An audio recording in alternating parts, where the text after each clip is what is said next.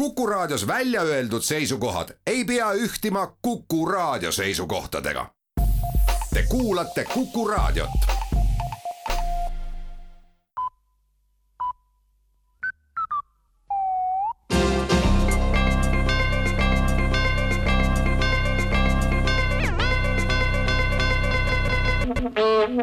tere kuulama uudiseid stuudios Rohke Debelak politsei annab teada, et on sagenenud juhtumid, kus tundmatud isikud on öösel tunginud vallamajja ja vallajuhtide palka tõstnud. selliseid ärevaid teateid on enam kui kümnekonnast omavalitsusest ja iga järgnev päev toob sarnaseid teateid juurde tavaliselt tõstetakse vallavanema ja abivallavanema palka ja on näha, et pusitud on pisut ka volikogu esimehe palga juures. kultuuritöötajate ja teiste vallaametnike palgad on tavaliselt valve all oleva ruumi tagumistes ja kaugemates osades ja seetõttu jäävad need sageli tõstmata paljud vallajuhid on ennetava meetmena asunud ise palka tõstma ja võimalikult kõrgele, et kurjategijad nendeni ei ulatuks.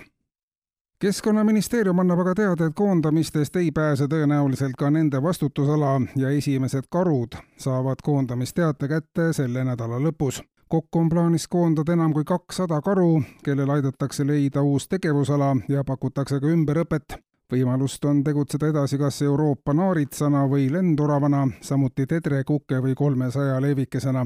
Headel aegadel on karude arvukus olnud tõusuteel ja nüüd on käes olukord, kus kõikidele ei leidu enam karuna rakendust ning loomad on asunud õnne otsima linnades või väiksemates asulates mõnes maapiirkonnas on õnnestunud äh, karudel teha ka poliitilist karjääri, astuda vähem nõudlikuma erakonna liikmeks, samas on need üksikud edulood. riigipoolne täpsem juhtimine on selles küsimuses kindlasti omal kohal, märgib ministeeriumi teade valitsuses aga ringleb riigieelarve muutmise seaduse muutmise seadus, mis muudab oluliselt kergemaks võimalused riigieelarvest aru saada nii parlamendi kui lihtsa riigi kodaniku tasandil. seadusemuudatuse kohaselt jaotatakse kogu riigieelarve järgmisest eelarveperioodist alates katuserahadena. siis on iga saadiku või laiemalt erakonna otsuste taga ka konkreetne adressaat, kes ja kui palju raha mille eest ei saanud või sai senine umbmäärane üldsõnaline kulude seletus kaob katuseraha suurus, mida jagada on erinevatel erakondadel seadusest tulenevalt erinev ja sõltub kohtade arvust Riigikogus.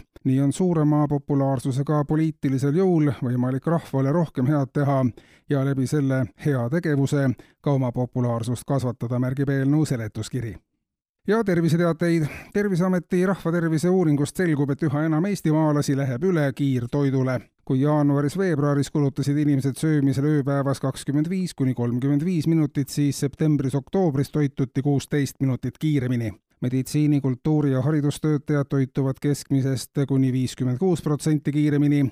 kõige kiirtoidulembelisemad on aga noored töötud üksikemad, kes oma kuu sissetuleku eest saavad süüa üheksateist koma seitse sekundit järjest aasta lõpus saavad inimesed sissetulekute eest süüa keskmiselt kolmkümmend seitse kuni nelikümmend üks minutit kuus kuulsite uudiseid